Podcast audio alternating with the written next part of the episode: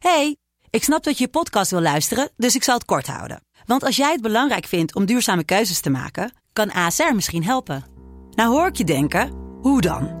Nou, bijvoorbeeld bij het duurzaam herstellen van schade. Of de premies die we beleggen volgens ons duurzaam beleggingsbeleid. Dat bepaalt waar we wel en juist niet in investeren.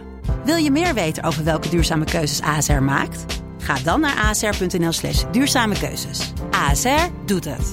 Zo, dan kan je nu lekker naar je podcast luisteren. Dit is Mand, kortste podcast van Nederland. Vandaag gaan we het hebben over Poetin. Oh jee. Ja, weet je dat Poetin, Poet- als je dat op zijn Frans Poetin. zegt, is het gewoon hoer. Ah, Poetin. Hoerenjong. Dit was Mand. Mand.